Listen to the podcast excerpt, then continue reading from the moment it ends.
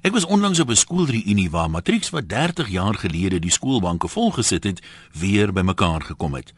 Vir party was dit ook so min of meer 30 kg gelede. Die seremoniemeester was 'n irriterende mannetjie wat destyds nie in my vriendekring was nie en vandag ook nie sal wees nie. Hy het die hele tyd gesê, hoe meer dinge verander, hoe meer bly dit dieselfde.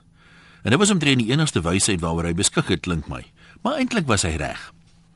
As net mekaar groet na die laaste matriekvakse eksamen, is daar altyd 'n paar manne wat vertel hoe hulle gaan opdaag vir die eerste reunie oor 10 jaar.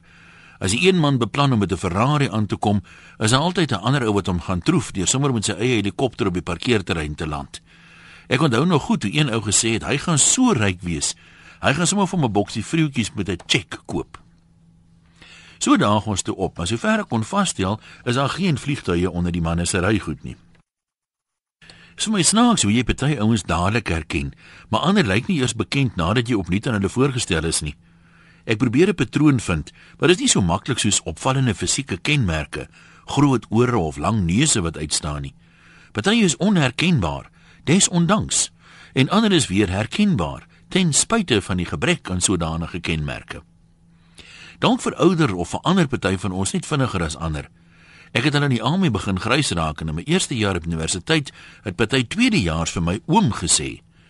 Met die uitsondering van een of twee het die afgelope 30 jaar die meisies in ons matriekklas egter goed behandel. 'n Paar het steeds sulke stout oogies dat jy doelbewus moet waak teen onrein gedagtes. Dan begin jy gesels en jy kom agter dat dit skynbaar so is dat hoe meer dinge verander, hoe meer dit wel dieselfde bly. Met party mense klik jy dadelik, nes 30 jaar terug.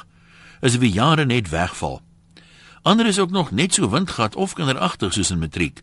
Maar die kategorie wat my die meeste interesseer, is die ouens wat op skool nooit besonder slim of opsigtelik was nie. En die kos is dit ons hulle altyd komete genoem, want jy sien hulle net as hulle kom eet. Heel wat van hulle toon insig in die lewe wat niemand ooit sou voorspel het nie en hulle raak sulke terloopse wyshede kwyt wat enige tyd as aanhaling van die dag kan duur. Maar dis die feit dat dit bykans totaal onmoontlik was om 'n matriek te voorspel wie die mense oor 30 jaar sou wees en nie sou wees nie, wat my laat dink ons het dalk die verkeerde ouens prefekte gemaak. Wat ook opvallend is, is dat die meeste manne wat ooglopend geld gemaak het, nooit in die top 10 op skool was nie. Dalk is die lewe tog soos 'n pokerspel. Jy kan maar net speel met die kaarte wat jy, wat jy gedeel word. En deel van lewenswysheid is skynbaar ook om te weet watter kaarte om weer terug te gooi. Groete van oor tot oor, anoniem.